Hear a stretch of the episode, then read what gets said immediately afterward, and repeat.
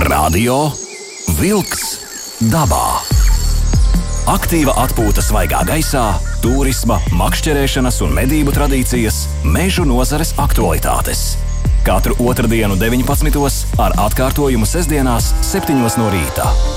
Radio Wolks dabā.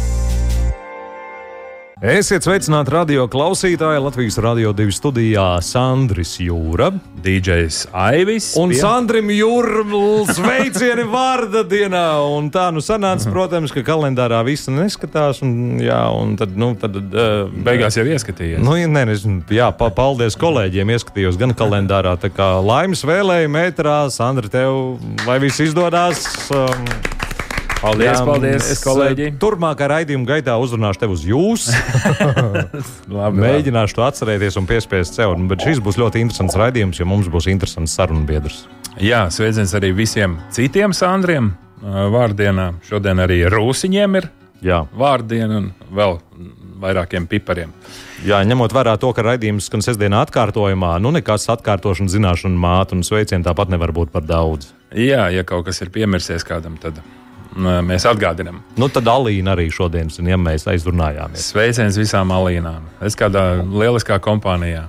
Nu, Pagaidiet, redziet, ja mēs tā sākām runāt, tad sestdienas raidījums atkārtojumā, tad Lilija un Lilijāna arī saņem sveicienus. Mm, Lilijāna Ozoliņa, jā, arī lieliska būtne. Uh, nu, draugi mīļie, dabas draugi. Šodien tēma ir ļoti gaisīga.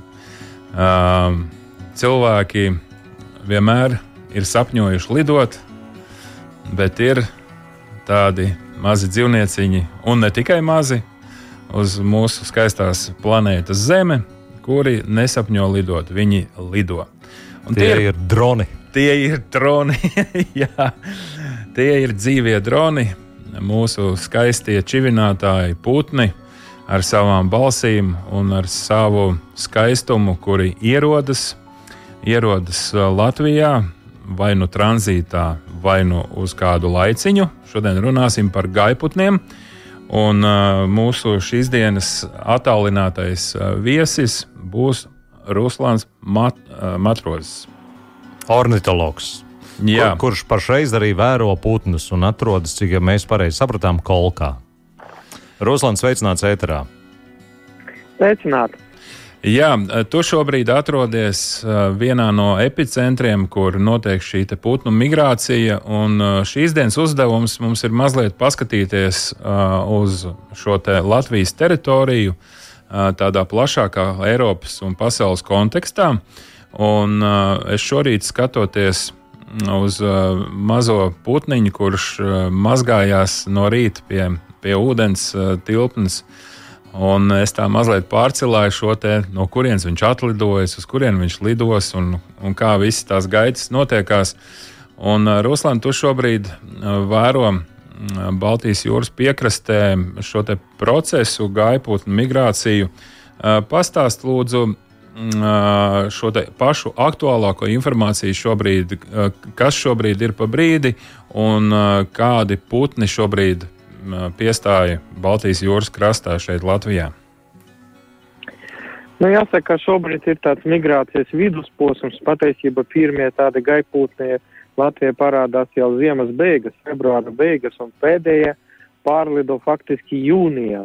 Līdz ar to uh, daudzi putni, kas ir šobrīd, uh, tie ir uh, ziemeļu putni, jo mūsu līgzdotāji ir jau uz vietas, uz līgzdām, Un, nu, piemēram, šodien uh, migrē diezgan daudz dzērvju, bet patiesībā mūsu dzērviem ir jau olas un varbūt jau pirmie mazuļi drīz. Tā kā mūsu dzērves jau ir uz vietas, bet tie putni, kas pārlido, visticamāk, tie ir Somijas vai Krievijas tundras līgzdojošie putni. Un tas attiecas arī uz visiem pārējiem. Piemēram, šodien kolka pirmais rīta stundas no kādiem 6 līdz 11 nu, pārlidoja nu, milzīgs skaits, nu, varbūt kāds 50, 100 tūkstoši putni. Protams, lielākā daļa lido diezgan augsti, tie ir strāzdi, žūbīts, bet, nu, ja paskatīties vienkārši jebkura brīdi binoklī gaisa, visu laiku gaisa traume. Tad ļoti tāda spēcīga migrācija, kaut gan jāsaka, ka ir bijušas arī nu, daudz spēcīgākas, kad putnu vēl vairāk. Tā kā mhm. uh, kolka ir tiešām tā vieta, kur nu, sakoncentrējas tie migrantu ceļi, jo daudzi putni lido virs kurzemes uz ziemeļiem, un tad kolka ir tā kā tāds pudeles kakls, Jā. kur sakoncentrējas no dažādām vietām, un tad viņi visi izlido tā kā rāga vai apkārtnē, un vai dodas uz vienu vai uz otru pusi, vai da daudzreiz viņi pat nezina, ko darīt tālāk. Viņi lido, lido, ieraug jūru, un viņi pagriežas atpakaļ, tad riņķo, riņķo, un tad pēc kāda laika tikai šķērso jūru. Saka, lūdzu, vai šis uh, salīdzinoši, uh, es gribētu teikt, garais pavasaris uh, un ļoti, ļoti vēsās naktis, kas bija līdz pat mīnus astoņiem, šur tur mīnus desmit grādiem, kas salīdzinoši nesen bija, vai tas kādu postu nodara putniem? Tas varētu nodarīt, protams, posta jau līgzdotājiem, tiem, kuri jau olas, un, ja, piemēram, pēkšņi uznāk kaut kāds sals, tad, nu, kaut kāda daļa visticamāk arī no, no tiem pēriem iet bojā, piemēram, no olam. Ja putns nevar arī visu laiku pērēt, viņam tad, tad nu, pa dienu vismaz jālido vai no rīta baroties, un tad, ja ir, nu, diezgan negatīva temperatūra, tad, nu, kaut kāda daļa no, no dējumiem aiziet bojā. Bet tiem putniem, kuri līgzdos vēlāk, Viņi jau atlidojuši, bet nu, līdzdošana uzsāks vēlāk. Nu, visticamāk, viņi var pārlaist šādu izlaicīgu negatīvu temperatūru un tad nu, gaidīt to, to siltāko periodu, kad var jau uzsākt līdzdošanu. Un šobrīd tātad tu saki, ka uh, tie putni, uh, kas ir aktīvi šobrīd, uh, tie tātad ir ziemeļnieki, tātad lido jau uz tālāk uz ziemeļiem, un savukārt tie putni, kas teiksim, vasaros Latvijā, tad tie jau faktiski gandrīz jau varētu teikt, jau mazuļi jau ir izšķīlušies. Kam, kam jā, kam nē, bet tad viss ir jau faktiski jau procesā. Nu, tieši tā, nu, piemēram, tie putni, kas uzsaka likstošanu, nu, piemēram, Polijā, viņi jau parasti uzsaka uz dažām nedēļām ātrāk nekā Latvijā. Attiecīgi, tie, kas uzsaka likstošanu uz ziemeļos, piemēram, Somijā, nu, šobrīd tur vietam vēl sniegs. Un vidēji viņam tur jābūt tiem putniem, piemēram, kādu 15. māju, un tad viņi saka jau uz vietas skatīties, kur var likdot un uzsaka likdošanu. Līdz ar to daudziem putniem vienkārši nevar steigties, jo tik un tā tur vēl būs pāgru, tur būs sniegs, būs īpaši tie, kas, piemēram, zosis, vēl tūkstošiem zosu. Braucot uz kolku pie, piemēram, Engures ezera, mēs saskaitījām vienā laukā 5000 zos. Un, un visi tie ir, nu, visticamāk, ziemeļu putni. Mm -hmm. Tātad viņi vienkārši šeit gaida to laiku, kad, nu, vēl kādu brīdi viņi te barojas, uzkrājas spēkus un tad aizlidot līdz ziemeļiem, nu, dažiem putniem tas ir dažu dienu jautājums. Viņi vienkārši uzsaka lidošanu, piemēram, zosis, lido par nakti, nākošajā dienā viņi kaut kur Igaunijas ziemeļos, un pēc tam viņi jau Somijā. Tā kā aizlidot aizņem, nu, samērā īsu laiku, bet, nu, par āgru šobrīd. Tāpēc tie putni apstājās arī Latvijā, un daudz kur vērojami, piemēram, tādu dzērvju un zosu bāri, nu, vēl kāds pāris nedēļas būs, un tad no Latvijas arī pazudis. Tad visi aizlidos. Tad eh, šobrīd ir tāds uh, īss mirklis, uh, kad uh, tiešām var vērot ļoti, ļoti lielu migrācijas daudzumu arī uh, sugu ziņā. Jā, šobrīd varam teikt, ka tas otrais vilnis, jo pirmais ir parasti mārta beigas, kad ierodas nu, Latvija, Igaunija, Krievijas Eiropas daļas teritorijas likstošie putni, un tad tas pirmais vilnis, bet tur nebūs vēl visas sugas, jo daudzas sugas, piemēram, atlido tikai vat, aprīļa beigas vai māja sākuma, tie tie putni, kas barojas ar kukaiņiem. Kukaiņi vēl nav aktīvi visu dienu nakti, un, un piemēram, tāda svīra atlidos tikai ap kādu desmito māju uz Latviju. Mm -hmm. Kad būs jau iespēja viņam pabaroties, tā kā mēs vēl gaidām gan dažas sugas savus putnus, bet, nu, lielākoties mūsu jau atlidojuši. Radio Wolks dabā. Aiziet dabā! Aiziet, dodamies kopā ar Ruslanu Matrozi, mm, vērot putnus. Ruslans eh, klātienē mēs nu šeit no ētera puses. Jā, Ruslan, no kurienes uh, lido putni un kāpēc viņi tā mētājās pa pasauli, kāpēc ir jāveic šie milzīgākie attālumi, varbūt pastāst to amplitūdu, no kurām uh, zemēm, cik kilometrus uh, jālido un cik dienā var nolidot. Nu, jāsaka, ka pie mums putnus var sadalīt uh, četras daļas. Pirmā daļa ir nometnieki. Tie tie putni, kas vispār īpaši nelido. Piemēram, tādi mēģņi, kas uh, izšķilušies savā mežā un tur dažu kilometru radījus, un viņi tur dzīvo visu mūžu. Ir tādi, kas lido netāls distants, piemēram, nu, tādi gulbji, uh, mājas strāzdi, kaut kovārņi, zīlīts, kas no, piemēram, no Latvijas aizlido ziemot uz uh, Baltijas jūras uh, rietumu piekrastu, piemēram, uz Dāniju, uz Vāciju, uz Poliju. Tie ir kādi nu, 400-600 km. Uh -huh. Ir tādi, kas lido Ziemeļāfriku, uz vidus jūras reģionu, piemēram, Itāliju, Spāniju. Tur kādi varbūt tūkstos mazliet vairāk kilometru, bet, protams, vistrākie ir tie, kas lido uz Āfriku, jo, nu, taisnā līnijā tiem putniem jāparlido kādu, nu, kādu līdz no 6 līdz 10 tūkstoši kilometru vienā virzienā. Mm -hmm. Attiecīgi, ka viņi startē vasaras beigas vai rudeni, un tad viņiem tur jānokļūst, kādu brīdi jāpadzīvo un jālido atpakaļ. Tā kā nu, ļoti dažādi un, un, un piemēram, ir, ir putni, kas, nu, it kā varētu pat ziemot Eiropā, bet viņi joprojām lido, piemēram, uz, uz Dienvidāfriku. Piemēram, tāda upes ziriņi, kas, nu, tā kā kāja tāda, kas barojas ar ziviņu, kura varētu, nu, principā tāda vidus jūras reģiona, tur pilns ar, ar iespējām viņam palikt tur pa ziemu, bet nu, vienalga viņi lido uz Āfrikas uh, dienvidu pusi, tur rietumu piekraste, okeāna piekraste, viņi tur pārlaiž ziemu un pēc tam atgriežas. Tā kā ir tāds, piemēram, jūras ziliņš, it kā lido pat līdz Antarktīdai, tu uz dienvidiem galīgi uz tām salām un pēc tam lido atpakaļ. Tā kā, nu, tas ir tāds fenomens, ko varbūt nevar tik viegli izskaidrot, kāpēc, nu, daži uh, putni nelido tik tālu, daži spiesti lidot uz, uz tik uz Āfrikas vidus teritorijām, kur nu, tiešām milzīgs atomums, daudz problēmu pa ceļam, daudz briesmu pa ceļam, bet nu kaut kā tie putni droši vien ļoti sen jau uzsakuši tādas migrācijas un, un turpina arī mūsdienas. Vai klimatiskās pārmaiņas kaut kā ietekmējušas ir laika gaitā šo migrācijas veidu vai nu, ritmu? Pakāpeniski es domāju, tomēr tas ietekmē, piemēram, tie paši Baltijas stārti, kas no, no Baltijas reģiona lido un ziemo pārsvarā uz dienvidiem no Sahāras. Nu, ar to Sahāru ir tā, ka katru gadu tas tūkstnes pieaug un, un, un kādiem 10-20 kilometriem. tas nozīmē, ka, piemēram, tiem stārķiem, kurie uzsāk lidošanu, viņi tur īpaši nevar apstāties, jo tur nav kur ne, ne pājas, ne padzerties. Viņam jāšķirso to nu, tūkstots vairāk kilometru viena virzienā.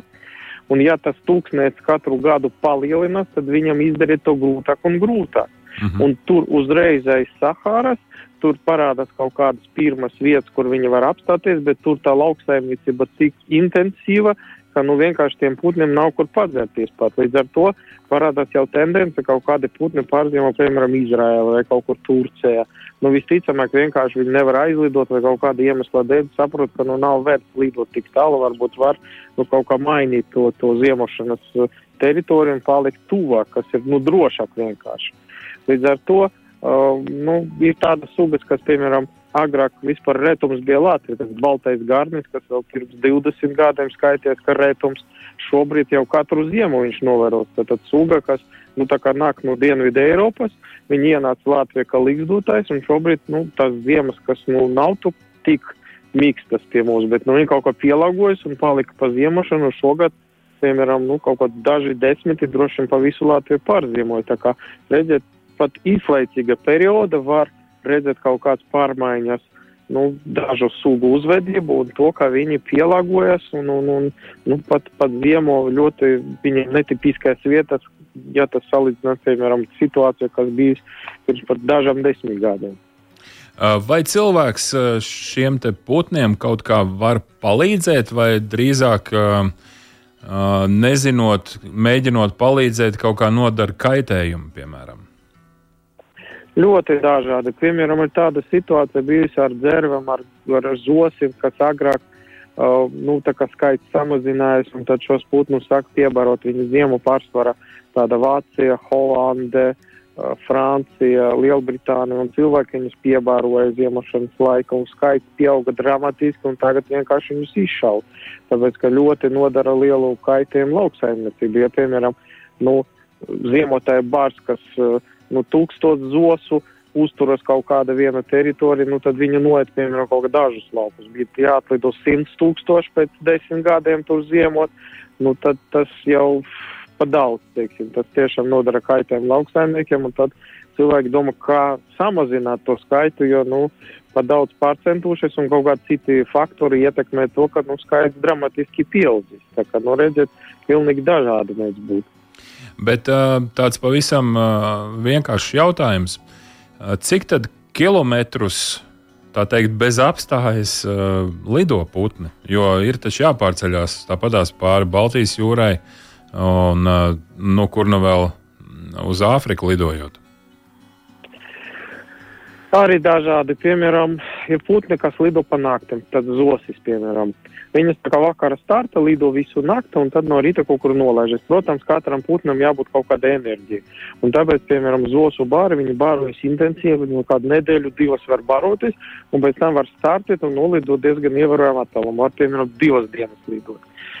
Bet ir putni, kuriem nu, nevar, kur nevar uzkart tik daudz enerģijas, līdz ar to viņi biežāk apstājās. Tāpēc, piemēram, tādas nu, žubīts, viņi migrē no agrā rīta, un tad migrē, migrē, un var redzēt, ka pēc 11. Nu, migrācija ļoti samazinās. Tad putni nolaido kaut kādu attālumu, cik viņi spējīgi, tad, tad nu, cik bija, piemēram, lauka, lauka apstākļi vai kaut kāda vējš neietekmē viņu nolidu, un tad viņam jābarojas. Dienas otrā pusē viņi barojas, uzkrāj atkal enerģiju un lido tālāk. Tā kā dažādiem viļņiem. Ir tādi putni, kas, nu, piemēram, nav pie mums, bet kaut kādi brīdēji putni, kas nolido, nu, vienkārši non-stopā vairākus tūkstošus kilometrus. Oho. Nu, tas ir vienkārši kaut kāds brīnums, visticamāk, kaut kāda viņa tiešām tāda autopilota lido. Vienkārši kaut kā uzkrāja enerģiju, un, un, un nu, viņam ir kaut kāds galva kompas un lido, un tad sasniedz nu, tik, tik lielu attālumu bez, bez apstājies, piemēram, pārlidot kaut okeānus no Austrālijas lidot uz ziemeļiem, tā ka nu, tas ir vienkārši dabas brīnums. Tā. Tas ir gritīgākais dabas brīnums, iedomājies pāris diennakts. Uh, vienkārši lidot. Starp citu, augstums uh, ir kāds, uh, kāda augstumā lido. Nu, skaidrs, ka dažāds ir augstums, bet nu, tomēr šie te, uh, tranzītnieki lielie. Pārlidojumi, varbūt tur tas ir saistīts ar kaut kādām uh, gaisa masām, uh, kad nav pre, pa vējam. Nu, arī dažādi, piemēram, tādi plešpūtni, kuriem, nu, teiksim, vienkārša lidošana sagada diezgan lielu enerģijas patēriņu. Tāpēc viņi gaida, kad būs kaut kāds siltāks laiks, piemēram, tādi klijāni, kad uh, parādās jau migranti ap kādiem 10, 11, kad gaisa sasilst, tad viņi uziet uz kaut kādu siltāku, un viņi vienkārši plānē. Viņi neter enerģiju nu, mm. lidojumam parastiem. Bet citi putni, nu, pārsvarā lido nu, virs meža, tur kaut kā 30, 40 vairāk metru. Uh, Nu, vienkārši šķēršļu viņam nav. Zemāk pie zemes tur var būt spiediens mazāks, vējš mazāks, tur augstāk var būt stiprāks vējš. Nu, tāda veida, un tāpēc arī, piemēram, putnu vērotāja tāda kolka, viņa vienkārši stāv uz tā raga, un viņa var gan ar acīm saskatīt, bet dažreiz diezgan augsta, bet no ar binokli gan drīz vai visu var saskatīt, kas tur lido, nu, amplitūda līdz kādiem 100-200 metrus augstumam, tā kā liela daļa arī lido šajā augstumā. Uh, jā, par, uh, par šo pašu vērošanas uh, procesu mēs vēl parunāsim, bet tāds jautājums par šī kāša veidošanu, tas ir. Tas ir tāds aerodinamikas veids un tā nemitīgā, teiksim, sabļaustīšanās vai sarunāšanās lidošanas laikā. Tā ir tāda tā koordinācija. Kas tas īsti ir? Nu, ir tādi putni arī, piemēram, ir tādi sabiedriski putni, nu, piemēram, zocis, dzērves, gulbis, tie putni, kas turas baros, un viņi arī pārlido baros. Līdz ar to viņi salasās, piemēram, kaut labākais barošanas vietas, mazas grupiņas salasās, un tad viņi starta migrācija. Protams, pirmais putnis, kas lido tajā kāsē, nu, viņam iet vislielāks tāds enerģijas patēriņš, viņš pirmais, nu, tā kā viņš šķiet no gaisu, un, un tad pārējiem vieglāk lidot. Un tad var redzēt, ka viņi mainās laiku pa laikam. Jā. Tātad, nu, tie, kas varbūt tādi vārgākie, kuriem nav spēka, viņiem kaut kur aizmuguri lido, viņam nu, vieglāk lidot. Bet, nu, sasaukšanas arī viņi tā kā reizēm ir tā, ka, nu, piemēram, šodien tur lido viena dzērve un kliedza skaļi, nu, es nezinu, meklē varbūt citas dzērves, pēc kāda laika parādījas cits bars, nu, kāds varbūt atpaliek tur, nezinu, nav spēka vai, vai nolaižies kaut ko tur padzerties vai tā tālāk. Un tad atkal var redzēt, ka tur viņi apvienojas pat gaisa kaut kādi vairākie mazi dzērvju bari un jau lido tālāk. Nu, daudziem putniem tā ir vienkārši tāda, nu, tiešām informācijas apmaiņa gaisa un, un kas palīdz viņam orientēties. Ja, piemēram, viņš lido, nu, tā kā pārējie pazuduši, varbūt viņi nolaiduši tur kāda laba barošanas vieta, un tad viņi kaut kā sakliet viens otru, un tad viņš redz, kur lidot tālāk. Tā kā, nu, visticamāk, tā ir tādā nozīmē. Skaidrs. Jā, tātad šī putnu pasaule tiek pētīta, un tad pēc dziesmas runāsim par šo pašu pētīšanas procesu. Radio Wolks dabā! Aiziet dabā! Nu, ko, turpinām baudīt stāstus par uh, putniem, uh, pateicoties mūsu sarunas viesim, Ruslanam Matrozim, ornitologam. Jā, Ruslans atrodas uh, Kolkas pusē un uh, šobrīd vēro aktīvo migrācijas uh, posmu. Uh, Ruslans saka, šis te vērošanas, putnu vērošanas, šī pavasara tradīcija, ornitologiem tas jau ir tāds tā izziņas process. Saki, lūdzu, cik gadus tu jau vēro putnus? Nu, jāsaka, es mūsāku vērošanu vēl skolas laikos, vēl gājot uz, uz apmeklējot jauno naturalistu pulciņu, un toreiz bija jāizvēlas kaut kāda grupa, ar ko nodarboties, un putni man liekas, ka tomēr visinteresantāk, jo pie mums tos var sastāt visu gadu, jebkura vieta, sugu skaits ir diezgan liels, nu, piemēram, saudzēm ar vidītājiem. Uh mhm. -huh. Kur nu, novērot tomēr krietni grūti, vai kaut kādām abiniekiem un rapoļi, kur pie mums mās, vai kukaiņu milzīgs skaits. Un, un, nu, tā jau 32 gadus tā vērošana ir nu, tāda dzīves sastāvdaļa. To var nu, faktiski gan Latvija, gan jebkura cita vieta aizbraucot uz ārzemēm, tā arī tā laika paliekam paskatīties arī tiem putniem, kas tur dzīvo. Un, protams, ja pie mums ir nu, kaut kāda viena, varbūt trešā daļa no Eiropas putniem, ko var ieraudzīt, nerunājot par visu pasauli, kur ap kādu desmit tūkstošu sugām. Tā kā, nu, ir darīt, ko faktiski visu mūžu. Latvija un Latvijas teritorija šai putnu migrācijai ir kaut kādā veidā ar kaut ko unikālu. Nu, jāsaka, ka Latvija paveicas ar to, ka pie mums tiešām ir tas ļoti intensīvs putnu migrācijas ceļš, jo uh, šādi ceļi pasauli nav tik daudz tādi intensīvi, tāpēc ka, nu, visticamāk, tie ir tādi geografiskie šķēršļi, kā piemēram jūras vai okeāni, arī ietekmē ļoti to. Un pie mums, faktiski, ja mēs skatāmies tā no, no ziemeļiem, no Krievijas tundrām, o, iet tā saucamais Baltas, Baltijas jūras ceļš. Tātad no Baltas jūras pa taisnu iet uz dienvidiem, uz uh, no Somijas, Krievijas, iet Igaunija, Latvija, Lietuva un tad gar, gar Baltijas jūras krastu aiziet tālāk uz Eiropu vai uz leju uz Turciju. Līdz ar to gan rūdiņos, gan pavasarēs mums ir ļoti izteikta migrācija. Mums vispār tāda četri gada laika ar tādu izteiktu putnu, nu, teiksim, tā sezonalitātu un dažādību. Piemēram, tāda Baltkrievija nu, migrācija krietni mazāka, jo tur, tur liela daļa aiziet gar mūsu krastiem. Tātad, nu, daudzi putni lido līdz jūrai, uh, Mm -hmm. Tad tālāk turpinām ceļu nu, gar, gar sauszimu vai kaut kādas šaurējas vietas, kur, piemēram, nu, šeit pie Kolkas un, un, un Novīšiem daudzi putni šķērso jūru, tie kā 30 km līdz Igaunijas salām, līdz Sānemā salai, Samsalai, un uh, nu, tad viņi vienkārši veido nu, tādas migrācijas ceļus. Daļa aiziet gar Kolku, tālāk daļa aiziet Novīšiem pa taisnu uz, uz šo te salu, un, un otrādāk rūdeņos, tātad no salas aiziet uz oviešiem, kaut kā tāda mazāka bišķi. Bet, nu, kopumā Latvija ļoti paveicas tā, tādiem putnu verotēm, mums ļoti labas vietas, gan kur verot putnu tādu lidošanu, migrāciju lidojumu, gan arī, kur putni apstājās, barojas, kur arī koncentrējas tūkstošiem putnu un, un kaut kā dažus mēnešus pavasari un rudeni. Nu, tas ir ļoti lielisks laiks tādai tiešām putnu vērošanai. Tu veic arī kādu pētījumu, kādus pierakstus, kā analizēt datus, kā, ko, kas tiek darīts ar šo iegūto informāciju? Protams, ka nu, pārsvara tie, kas vēro vai kaut kā uzskait, piedalās kaut kāds uzskaits, viņi to visu pierakstu un ziņo tālāk, piemēram, nu, tāds portāls dabas dāta LV, kur kurš interesē, var ieziņot putnu novērojums turpat uz vietas un tie visi uh, tiek apkopoti un tas ir tiešām milzīgs skaits, jo, piemēram, tādai, nu, vispārastākai putnu pavarstāra atlidošanas fenoloģija, tad, tad nu, ziņojumi par pirmajiem migrantiem, uh, nu, Latvija jau 200 gadu vēsture, tad, tad nu, jau mm. vairāk par 200 gadiem pirmie tādi pieraksti veikti, nopublicēti, un mēs tā saliekot kopā.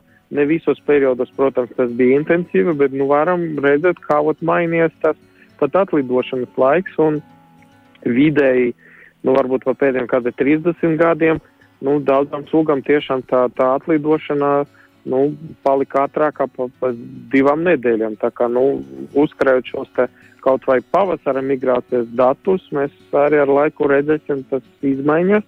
Bet, nu, protams, arī ļoti daudz dažādu informāciju var iegūt, ne tikai migrāciju vērojot kopumā, skatoties, kā mainās, piemēram, tādu līgzdotāju skaitu vai ziemotāju. Tā kā, nu, šeit tie dati visi pierakstīti, apkopoti un, un, un arī nopublicēti. Uh, es dzirdēju, uh, ka šis karš Ukrainā kaut kādā veidā pasteidzināja um, šo putnu migrāciju. Vai tā ir taisnība, vai tās ir baumas? Nu, īsti nevar saprast. Tīri teoretiski, nu, piemēram, pavasaros uh, tie putni, kas lido uh, gar Latviju, nu, tā kā lielākoties ar Ukrainu neiet. Tur kaut kāda atsevišķa sugas, kas ziemo, piemēram, Melnā jūra, tad viņi caur Ukrainu lido varbūt uz Baltijas jūru.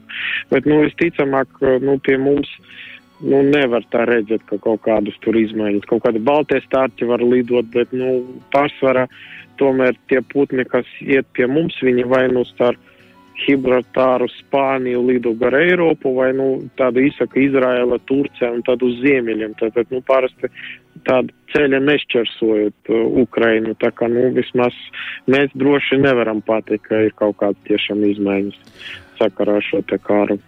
Un saka, lūdzu, šobrīd, ja kāds no klausītājiem vēlas arī vērot putnus, un šobrīd vēl to var paspēt izdarīt, to aktīvāko fāzi, tad kāds ir pamata ekipējums un vietas, kur vislabāk Latvijā to darīt. Tagad, cik es saprotu, kolkas apkārtne, šos iemeslus tu jau nosauci, kāpēc, kāpēc tur vai ir vēl kāda vieta Latvijā, kas būtu nu, top trīniekā?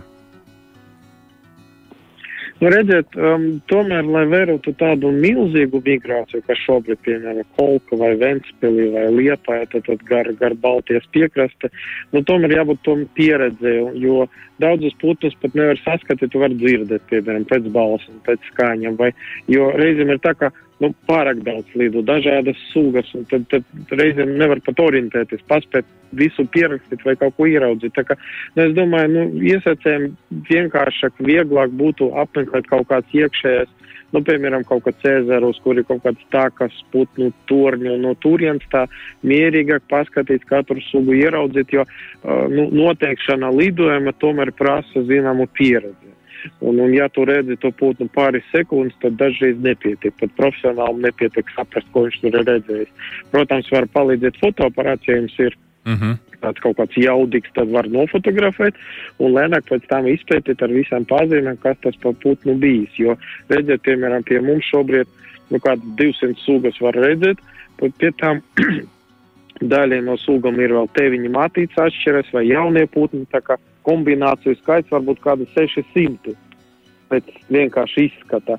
Plus vēl kaut kādas sugas mēs tikai pēc balss varam atšķirt, jo viņi ļoti līdzīgi vai, vai kaut kur lidojam vienkārši nevar tas pazīmes uh, ieraudzīt. Tā kā, nu, pārsvara tādi iesacēji apmeklē kaut kādus tur, kur putnu torņi, kur putnus var novērot varbūt lielākā skaita, un, un kaut kur uz zemes, uz ūdens, un tad var pamatīgi izpētīt, bet tādu vietu ir ļoti daudz. Tiešām Latvijā pēdējos varbūt 20 gadus tā infrastruktūra katru gadu pieaug un pieaug, tā kā ļoti nu, plaši ir šādas vietas, kur, kur koncentrējas tie putni un var ieraudzīt arī stendos blakus ir informācija, kāda visbiežāk sastopama, kā viņi izskatās. Nu, es uh, ieteiktu apmeklēt šādas vietas. Kā tad īsti uh, notiek tavs dienas ritms, un cik es saprotu, šī vērošana lielākā daļa tomēr notiek no torņiem? Jā, ja ir šādi torņi, kas ir pareizi uztaisīti un ierīkoti tāda izdevīga vieta, kur var diezgan nu, vieglāk redzēt tos pārvidojušus putnus, tad jā, bet nu, pārsvarā nu, tā pavasara migrācija tas ir tāds nu, samērā grūts periods tādā ziņā, ka, nu, tikko saulīte parādās, tad jau putni ap to laiku jau migra ļoti intensīvi. Līdz ar to līdz kādiem 11, 12 no rīta notiek tāda skaitīšana un vērošana, un pēc tam jau tā intensitāte mazinās, un, protams, pa kādai sugai vēl lido, bet, nu, pārsvarā lielais tāds vilnis ir tikai pirmais piecas stundas no, no saules. Lēkta. Līdz ar to, jā, līdz ar to, nu, vat, mazliet grūtāk nav tā, ka tu visu dienu sāsi, piemēram, rūteņos putni lido tā kā biežāk arī pa dienu un vakara, un, un, un bet, nu, pavasaras diezgan izteikti, ka ir, pieci, pirmās piecas stundas, un pēc tam, nu, tāds periods, ka vienkārši var atpūsties no tā visa, gulēt. Un tad jūs pārvietojaties no punkta A uz punktu B un, un tā tālāk kaut kā vērojat un, un ceļojat līdzi putniem? Jā, reizēm ir tā, ka, piemēram, nu, tie migranti, viņi lido pirmās piecas stundas un pēc tam viņi kaut kur nolaižas, piemēram, tādi putni, kā zosis, gulbi un, un pīles. Viņi nolaižas, viņi barojas un tad viņus var meklēt tās vietas, kur ir labas barošanas vietas, turpat jūra, vai tur kaut kāda ezeri vai zivju dīķi, tā kā, nu, tur pilnīgi savādāk, tur salasās. Tie migranti, tad viņi tur barojas, atpūšas, paguļ un tad startē tālāk. Tā kā, vat, pa dienu var apmeklēt šādas vietas. Un uh, ekipējumā uh, šis tālskatis, uh, kādu tu rekomendētu, cik kādi tie cipari ir nepieciešami, lai kaut ko vispār varētu sākt vērot? Parasti tas ir binoklis, tad, tad uh, 8 vai 10 reizes palielinājums, nu tad vēl var būt kāds jaudīgāks, bet nu, jaudīgāk viņi smagākie un, un tā lielākoties tādiem vērotājiem, kuriem tāda padziļināta interese ir 8 vai 10 reizes palielinājuma binoklis un teleskops. Teleskops ir vajadzīgs, lai redzētu krietni tālāk putnus, piemēram, teleskopam var būt palielinājums 60 reizes. Tele... Ar to tos putniņus, ko var redzēt, nu, tiešām kā punktiņus, jū, nu, kaut kur jūra Jā. vai, piemēram, gaisa. Ar teleskopu var saskatīt un atšķirt arī sugu. Tā kā teleskops ir nu, ļoti vajadzīgs īpaši migrācijai, piemēram, jūra. Daudzi putni, protams, nelido gar krastu, kur var viegli ieraudzīt. Viņi var lidot kādu kilometru no krasta. Un bez tāda teleskopa, kas ir speciāli putnu vērošanai domāts teleskops, tas nav tāds, ko zvaigznes vērot. Mm -hmm. Tas ir kompakts, tāda truba, nu, lielāka, protams, par binokli, bet nu, viņa salīdzinoši viegla, uzlikt viņu uz statīva, un tad var ļoti viegli vērot putnus, kur tiešām līdz dažiem kilometriem no novērotāja. Tātad, un binoklis tas ir atkal, kur mēs skatāmies ar abām acīm iekšā, un tas ir no 8 līdz 10 reizēm pietuvinājums. Nu, tas ir jā, visbiežāk tāds visparastākais un, un visplašāk pieejamais. Un, ko tu varētu ieteikt mūsu klausītājiem, kuri vēlas doties, tātad doties to jau profesionāļu pavadījumā? Principā nu, var arī izmantot dažādas ekskursijas, kuras tiek rīkotas, piemēram, pavasara putnu dienas vai rudens putnu dienas vai kādos citos pasākumus, kur tiešām gida pavadība var nu, uzdot jautājumus vai, vai mēģināt kaut kā atšķirt dabatos putnus. Ja, piemēram, arī man uh, uzsākot vērošanu, man vajadzēja kaut divus gadus vismaz, lai, lai nu, pašām iemācītos atšķirt nu, gandrīz visas sugas. Līdz ar to tiešām te vajadzīga pieredze un, un kaut kā saprast, kur tos putnus meklēt, jo katrs putns nu, jāmeklē noteikti teritorija, sava biotopa, tur meža putni, noteikta meža un tā tālāk. Mm -hmm. un, protams, ir tādi grūtāki, piemēram, puces, kur nu, ieraudzīt vienkārši nevar var reizēm kaut kur dzirdēt. pa vakariem vai pa naktēm jā, dzirdēt, bet, nu, ja gribas redzēt tiešām nu, tas sugas, kas pie mums sastopamas, piemēram, tāds apudziņš, vismazākā pucīte, kur ir nu, tāda maisa strāzda lieluma, bet ļoti skaista. Jā. Viņa patiesībā ir nu, visos mēžos, bet nu, jāmāk viņu atrast un, un kaut kā saprast, ka viņa dzied, jo tā ir suga, kas, piemēram, puces pārsvaru tomēr pa naktīm dzīvo un, un, dzied un, un var dzirdēt viņus. Bet šī suga, viņa pa dienu novērojama. Līdz ar to nu, tas arī tāds uzdevums, kā var viņu atrast, bet, nu, ja iemācīties, viņi tiešām var veiksmīgi sameklēt gan arī jebkura meža. Lieliski! Paldies par šo stāstījumu un turpinam vērot putnus, lai tev izdodas ieraudzīt tos retākos putnus šajā sezonā. Paldies! Paldies, Paldies. Ruslāns, par sarunu. Kopā ar mums bija ornitologs Ruslāns Matros, arī šīs dienas gaviļnieks Sandrs Jūra. Un DJs Aivis! Uz sadzirdēšanos! Visu labu! Izskan raidījums Radio Vilks dabā.